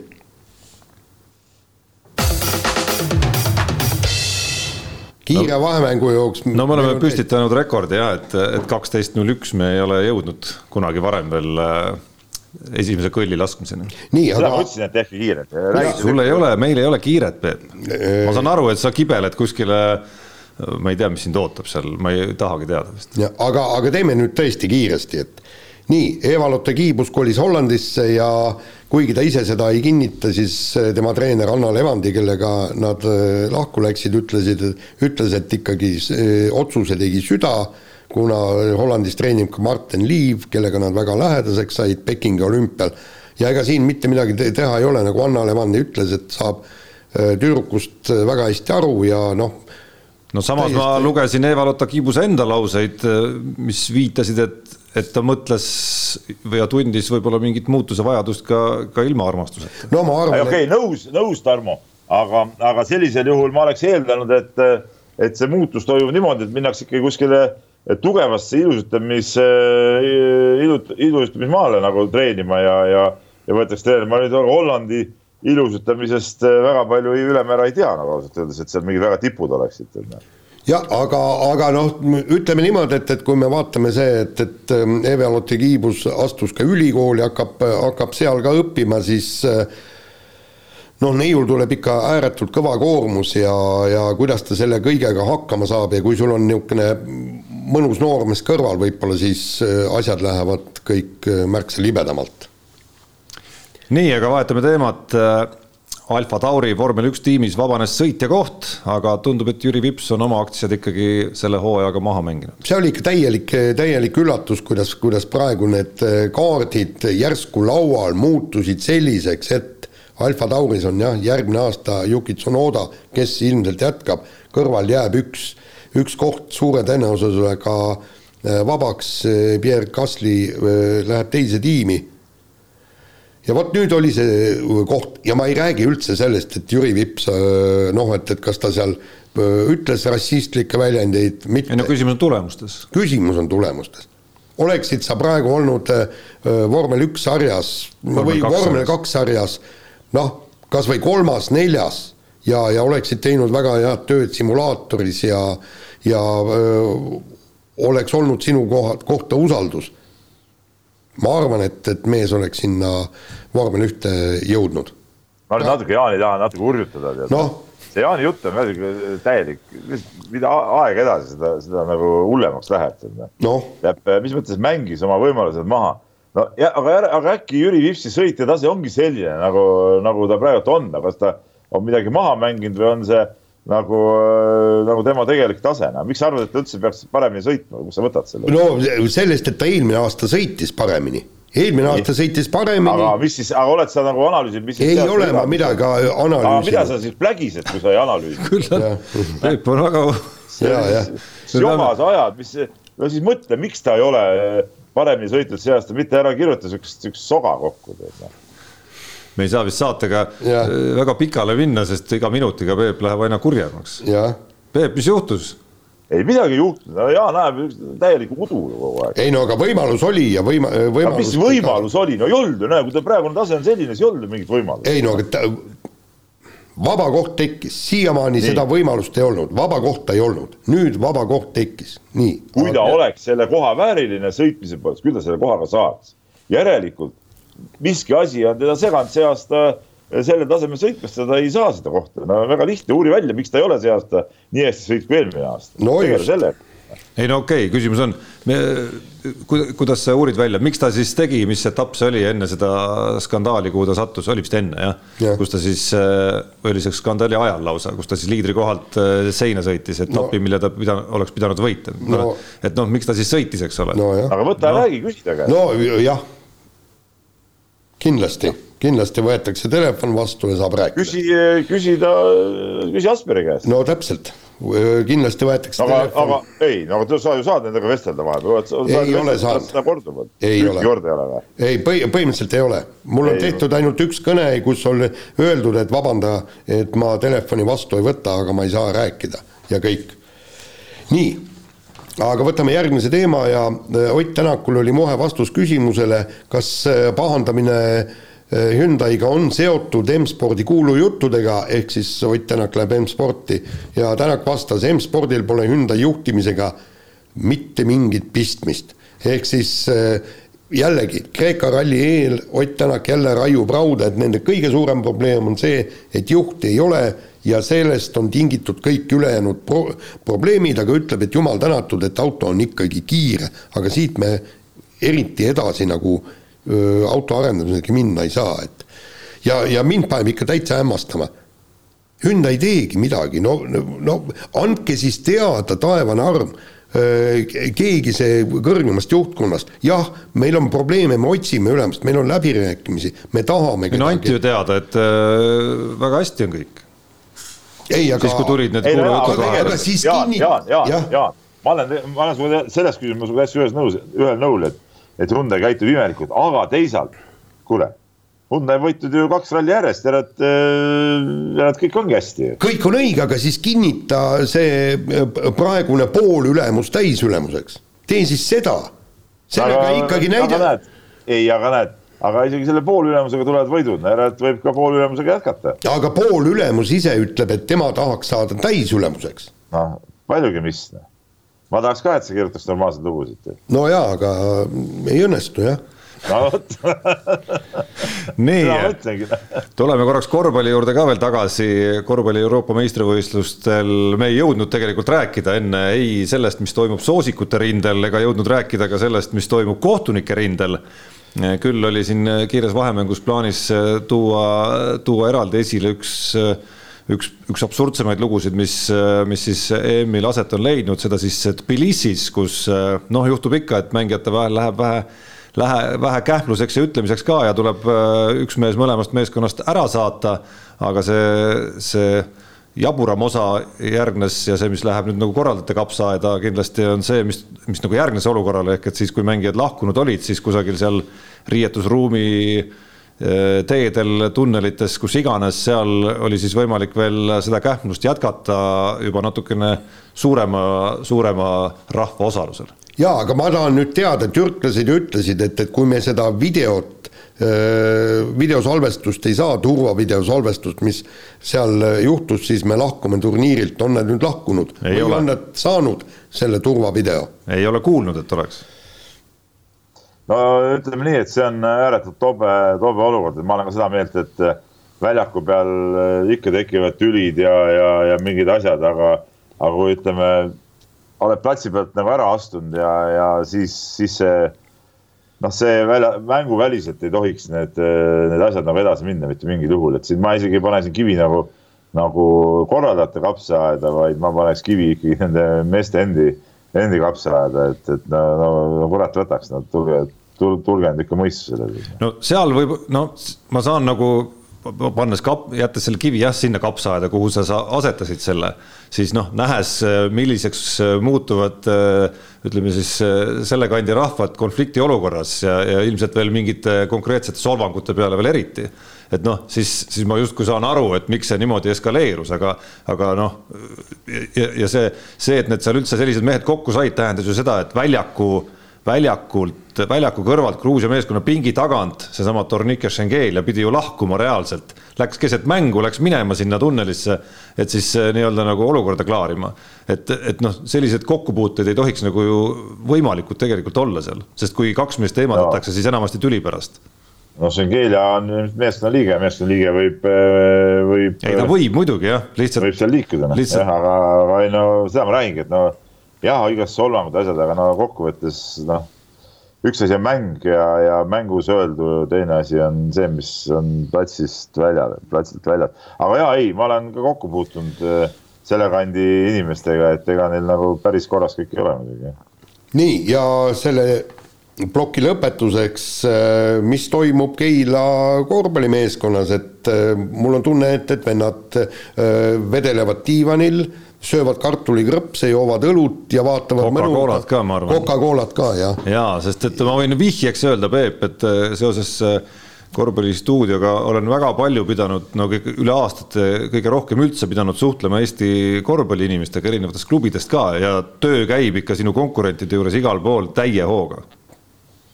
no käib Keilas ka, ma ei tea, kus Jaan jälle Jaan jälle esineb mingite avaldustega, millel ei ole null tõepõhja. nüüd ta küll luges minu kirjutatud lauset ette, lihtsalt üritan Jaani natukene nüüd aidata ka. ja aga te, tegelikult. Äh, Tarmo, Tarmo, sa ju tead, punkt üks, mina ei tahtnud siia tulla. nii et äh, sina oma osava, ma ei hakka siin eetrisse tooma, mis osava nipiga äh, sa minu siia manööverdasid. punkt kaks, töö käib meeskonnal on ka teised treenerid, minu teada näiteks Kalev Cramos tegeleb praegu kolmas treener meeskonnaga. kaks treenerit on siin. ja punkt kolm, nii on jah, et Jaan võiks nagu rohkem uurida, enne kui midagi välja ütleb aga on sul ikkagi silm peal, sul on ikkagi videosalvestused olemas, kuidas trenni tehakse või salakaamerad pandud? mitte mul ei ole silm peal, vaid on, on, mul on kaustik siin, kuhu, kuhu ilmuvad iga päev eh, treeningplaanid, eh, detailsed, viimse detailini, mida teha, kuidas teha. aga kas need oota, aga Keilas, Keilas kes, kes kellega paaris mingit harjutust teeb, kes mis võistkonnaga mingit asja teeb ja nii edasi. oota, aga Keilas on ju need robotkaamerad, mille abiga esiliiga mänge näiteks näidati, nendega saab ju tree-, treeninguid ka filmida. Vaata, äh, kui äh, Delfi oleks tulnud suurema summaga toetajaks, siis me võiks endale seda lubada, et me et me ostame endale selle teenuse sisse ja treeninguid selle kaudu vaatame. et vaikselt jälgiks ikkagi Milanost nagu kogu seda protsessi seal.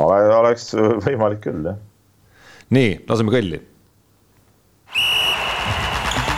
Unibetis saab tasuta vaadata aastas enam kui viiekümne tuhande mängu otseülekannet. seda isegi mobiilis ja tahvelarvutis. Unibet, mängijatelt mängijatele. Nonii. nii, nii panin eile panuse Eesti vastu, et ta kaotab vist üheteist punktiga, aga ei kaotanud, aga ma jäin viiest eurost ilma ja, ja tegelikult vaata, seal oleks vastupidi, kui Eesti oleks võitnud, ma oleks rõõmus olnud. Aga nüüd noh, on nii ja naa, noh. Nüüd sul ei ole nagu, noh, see on nagu selles mõttes tobe, et nüüd ei ole nagu just, kumbagi. ei ole kumbagi, just täpselt, ei ole viiekat ja ei ole võitu. nii, Peep. No mul ei ole siin ei edu ega, ega, ega, ega altmineku lugusid väga välja tuua. Nii, no minul on, äh, minul on aktiivsust natuke rohkem olnud ja üks panus on tegelikult ootel ka veel, see puudutab ja see, ma loodan, saab positiivse lahenduse täna, kui Eesti mängib äh, Suurbritanniaga, ehk et see meie mehed ei nuta eripanus, et Eesti vähemalt ühe võidu ikkagi kätte saab sellelt turniirilt. aga täna ma panen äh, Suurbritannia peale, siis on vähemalt mingi, ütleme ütleme, kui läheb kehvasti, see on mingigi rõõm nagu. aga kaks panust, mis ma Kossuga seni, ei, tegelikult mul on kolm väiksemat panust, mis ma kõik võitsin sel nädalal ja kõik on siis eh, nii-öelda Eesti spordi vastu sarnastel kaalutlustel, üks oli Serena Williams, kelle koefitsient oli vist kolm lausa Anett Kontaveidi vastu. Eh, teine oli siis see, et Eesti kaotab Itaaliale, vist oli kas neliteist või kus see seal oli, et, et see eelaimdus oli, et see esimene mäng võiks raske olla ja ja kolmas oli siis eh, see legendaarne kurikuulus, mis iganes äh, sõnad veel sinna ette, see Ukraina kohtumine, kus kahjuks me sellest võidust ilma jäime ja see võit ei rõõmustanud küll kuskilt äh, otsast. uue nädala eripanused on äh, töös ja puudutavad just nimelt tänast Suurbritannia kohtumist. Ehk siis nii Eesti võit kui ka üks eripanus sellele, et kas Maik-Kalev Kotsar saab punkte ja lauapalle kokku rohkem kui kakskümmend koma viis. aga nüüd läheme kirjade juurde aga ma ütlen, ma panin praegu tänaste mängude peale hea rivi, viis koma kolmkümmend kaks on koefitsient. no mis seal sees on? seal sees on, et Suurbritannia võidab äh, ja siis teised on, on nagu soosikud, et Poola võidab Hollandit ja Prantsusmaa võidab Bosniat. seal oli täna tegelikult üks täitsa huvitav panus veel, ma ei ole hommikul vaadanud, kas koefitsiendid on muutunud, see oli äh, Saksamaa. ahaa, koefitsiendid on muutunud, aga on muutunud minu vaates veel positiivsemaks selles mõttes, et äh, eile õhtul oli Saksamaa kaks koma viiskümmend, nüüd on kaks koma seitsekümmend viis juba Sloveenia vastu. Äh, no Sloveenia on jah, me ei jõudnud midagi eriti rääkida, aga Sloveenia on suht sihuke, ei ole väga veenvalt mänginud. no habras jah, habras. habras, habras jah et Saksamaa paistab ikkagi nagu aina parem välja seal kodusaalis. ma ei julge, ma ei julgenud siia rivisse panna, siin rivis oli ka praegu Türgi-Belgia, Türgi üks koma neli, Belgia kaks koma kaheksa. ma ei julgenud nagu Türgi peale panna, sest et Türgi on ka väga habras olnud minu arust noh ja Nii. Belgia on ju tegelikult saanud hea võidu juba. ja absoluutselt, väga sümpaatne mäng oli Hispaania vastu, aga nüüd, äh, nüüd äh, vaatame veel natukene kirjadele otsa. Äh, Raido on meile kirjutanud ja avaldab, ütleme siis mingis mõttes ka, ka. tervitan, tervitan Raidot siinkohal. ja tegemist siis on läbilõhki korvpalliinimesega. üle keskmise spordi ja eriti korvpallisõbrana, nagu ta nagu ta ennast äh, kirjeldab ja, ja, ja ütleb, et silma ja kõrva on hakanud see, kuidas meie korvpallikoondise tegemisi Milanos on arvustatud, kuidas on võimalik arvustada, et koondis on läbi põlenud, treenerid on lollid ja kõige suuremat ülekohut teeb minu meelest mees, kes ise on olnud koondise treeneri pingil. Äh, fakt, enne turniiri oli Eesti koondis selgelt kõige kõrgema koefitsiendiga võistkond, kui panustada edasipääsu peale, ehk siis ennustati meid kõige nõrgemaks. seda kinnitab selgelt ka see, et kui vaatame meie mängijate klubisid ja nende rolli koduklubis, Suurbritannia on meiega selles osas võrdne, aga millegipärast eeldatakse, et me peame võitma Ukrainat, kellel on kaks NBA ja ülejäänud Eurokapi tasemel pallurid ning pusime võrdselt Itaalia ja Horvaatiaga, kelle mängijate nimekiri on väga kõvad, et äh, rohkem adekvaatset kajastamist äh, Äh, soovitab ja olles ise sõpradega Milanos käinud korvpalli vaatamas, saame kõik öelda järgmist, meie kiidame Eesti korvpallikoondist, sest tänu nendele saime ka osa mõnusast korvpallipeost. Meil oli uhke olla Milanos saalis, sest Eesti mängijad võitlesid enda võimete kohaselt ning Eesti fännid tegid saalis olemise väga ägedaks. uhke on olla Eesti korvpallikoondise toetaja. no eks me esimeses saate osas ikkagi oma, oma arvamust sel teemal päris palju ka no, väljendasime. sisuliselt see ühtis ju sama jutuga, mida mina rääkisin tegelikult, noh mis puudutab ka neid äh, mängijate ja koondiste reaalset taset tegelikult. Noh. Äh, aga läheme edasi, korvpalliküsimusi veel, Rita on kirjutanud meile äh, korvpalli EM-ilt on jäänud silma rohked tehnilised ja ebasportlikud vead. kas reegleid on nii palju muudetud, et tehnilisi ebasportlikke vigu rohkem vilistatakse?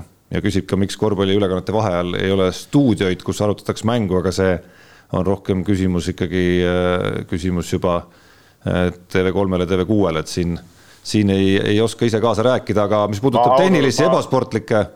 ma tahan mõlema teema kohta ütelda, ma kuna sa selle ülekannete asja esimesed välja tõid, siis minu arust on, on, no ma saan aru, rahad ja kõik asjad, aga nagu lati alt läbi see, et, et kommentaatorid pole esiteks koha peal ja, ja seda, seda nii-öelda mängueelseid üritusi ja asju siit koha pealt ei tehta, ma näen, et teised telekanalid, kes siin on, toimetavad üsna usinasti sellega, kes siit ka mänge mänge kommenteerivad ja mängukommentaatorid on, on nagu kohapeal, et, et, et see, see on, see on selle nende nii-öelda, nende, ma nimetan natuke siukest nagu noh, nagu pseudokanalid või, või noh, ütleme siuksed väiksed kanalid, nende häda nagu, et, et kõik need ülekanded tehakse niimoodi.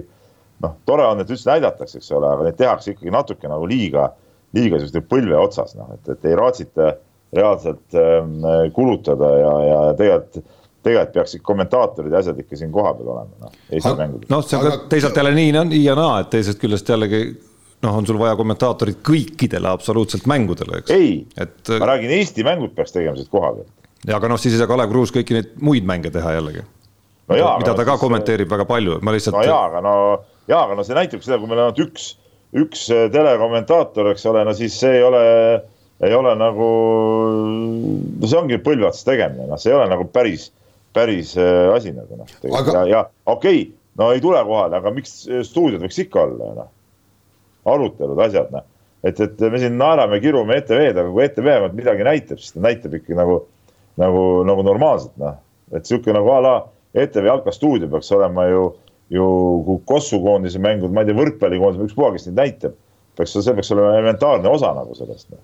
mis äh, tahan ERR-i muidugi kiita on ju korvpalli otseülekanded on raadios tagasi. üle, üle pika aja. härra Vedru, härra Vedru teeb siit neid ja, ja, ja väga tore, noh, väga tore, et nad teevad seda ja on siit koha pealt teeb, ei tee kuskilt teleka põhjal vaid on siin ilusti olemas ja, ja, ja väga kihvt. nii, aga mis neid tehnilisi ja ebasportlikke puudutab, siis äh, ma ei kujuta ette, ma ei ole nagu statistikat teinud, et ega, ega Euroliigas ausalt öeldes näeb neid ka omajagu ikkagi, et, et ebasportlikke jah, aastate jooksul ongi hakatud rohkem võtma, et reeglid on selles suhtes äh, lisanud neid klausleid ikkagi märkimisväärsel äh, määral kui sa nüüd võrdled paarikümne aasta taguse ajaga, et mille eest täpsemalt kasvõi kiirrünnaku takistamine näiteks või seesama lõpuminutitel vea tegemine, kus vanasti võisid põhimõtteliselt nagu rong mehe pikali joosta, aga nüüd pead ikka vaatama, et sa palli näiteks mängid. ja noh, tehnilist no,. samas jäetakse, jäetakse mõned, no mul jälle meenub siin see äh, Saksamaa-Leedu mängu lõpp, kus Valanciulasele tehti no mõlemalt poolt äh, raiuti niimoodi vastu kätt, et seal nagu palli nagu kumbki ei mänginud ja, ja, ja ei tulnud ebasporti, kohtunikud vaatasid ka seal seda veel järgi. kusjuures äh, Schröder veel tegi selle pool selja tagant ka, et seal ei olnud nagu palli mängimist, asi nagu väga kaugel. et siis ei anta ja siis mõnes mingis lambi olukorras jälle antakse, et, et need on küsitavad, aga mis aga puudutab tehnilisi, see tuleb paljuski sellest, et kuna see kohtunike tase on, ma nüüd kasutan meelega, ühte, ühte nagu sihuke maakeelset sõna, kohtute tase on nii sitt, mis siin on nagu, siis sellepärast tuleb ka nii palju protesteerimisi ja vaidlusi ja sellepärast tuleb ka nii palju tehnilisi. kirjutab meile vana sõber Egon, Peep, sinu kunagine õpilane, jah? jaa Aivan, jaa, muidugi, tervitame. teame Eesti spordis hulgaliselt neid juhtumeid, kus juba käega katsutava võidu asemel tehakse meil viimasel hetkel meel mõrudaks. Viimati näiteks eh, siis mäng Ukraina vastu või näiteks Kaia Kanepi ärakukkumine ja need jäävad valusalt meelde. millised on teie arvates aga magusamad comeback'id Eesti spordi lähiajaloos ning kas pigem oleme me andnud lõppudega rohkem ära, kui suutnud tagasitulekuid vormistada? no jalgpallis on ju toimunud siin, ma mäletan kunagi Zelinski äh, lõi äh, Fääri saartele või oli vist, vaata mängisid lõpus. ja seal tuldi küll välja. tuldi mingist välja, noh siis võtame korvpallis, mäletad, kui see, no see no, oli ka ikka väljatulek, kui see Gert Torvek sealt Iisraeli vastu nurgast selle kolmes ära pani ja lõpuks lisaajal võideti. no üks väljatulek, mis mulle meenus veel korvpallist, üks mäng, mis üldse meenus eile, kui Eesti mängis Horvaatiaga ja kui eriti hetkel, kus Gerg Riisa oli seal mingitel hetkedel ja et see oli mäng, kus Eesti Horvaatiat on võitnud aastal kaks tuhat kuus oli see lõpuks.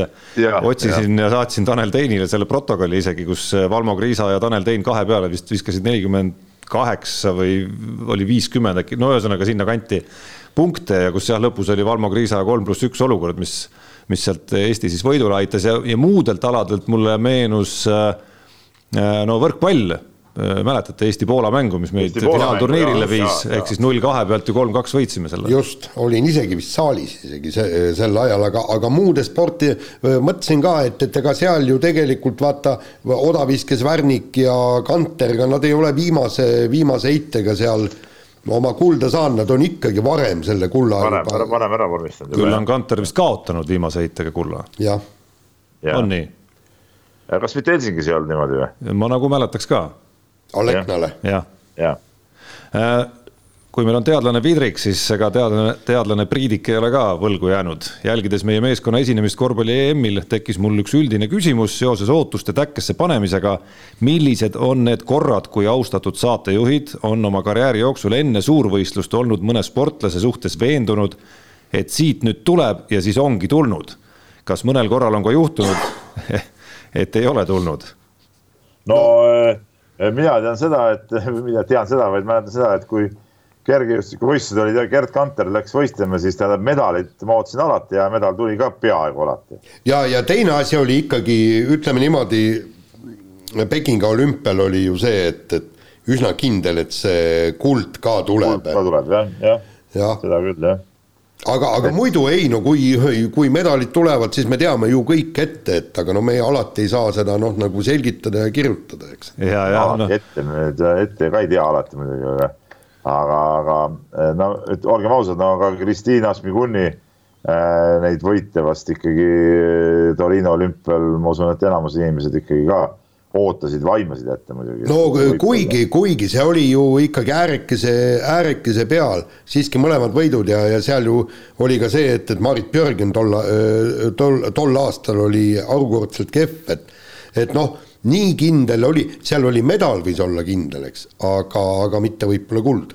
esimest korda kirjutab meile Riho Tallinnast kes ütleb, et teda on häirinud Eesti sportlaste suhtumine kaotamisse ehk siis tsitaat, me oleme selle juba unustanud, paneme aga edasi.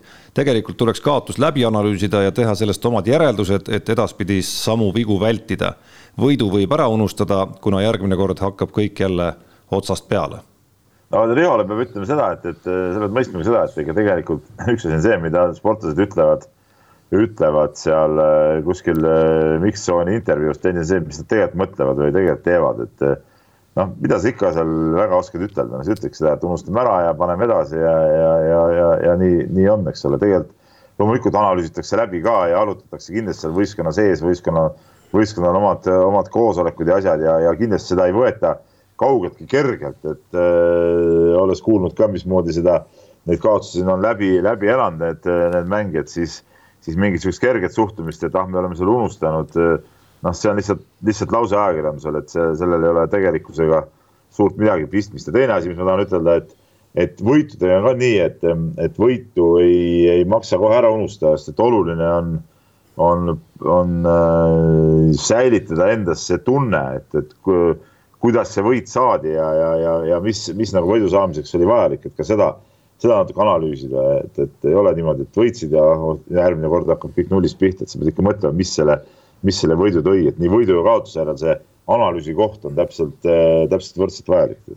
No ja eks siin on äh, ju mõeldud kahte sorti unustamist ka, et üks asi on äh, selle valusa emotsiooni unustamine, see hingehaav, mille sa saad Ukraina mängu lõpus, teine asi on siis nagu see unustamine, et et, et see, see emotsiooni unustamine ei tähenda, et sa ei vaata üle üksi pulgi, kus, kus me siis oleks võinud midagi teistmoodi teha. No no meil on üks väga põnev kiri tegelikult veel, see puudutab kohtunike tööd Euroopa meistrivõistlustel. Marko on selle kirjutanud, aga, aga me kindlasti järgmises saates võtame selle kohtunike virvarri äh, veel põhjalikumalt äh, luubi alla ja, ja siis, äh, siis mainime kindlasti Marko kirjast ka paremad ja olulisemad kohad ära. igatahes puhast, puhast kulda ja õigeid mõtteid on, on ta meile kirjutanud ja, ja aitäh juba nii tagantjärele kui ette mõnes mõttes siis selle, selle kirja eest. ja aga sellega siis kuulutame saate lõppenuks, ajaloo pikima saate. kui, kui välja arvata muidugi meie uue aasta saated, aga, aga juttu oli ja teemasid oli ja lood-, loodame, et nautisite ja kuulake meid järgmine kord. mehed ei nuta. saate tõi sinuni Unibet, mängijatelt mängijatele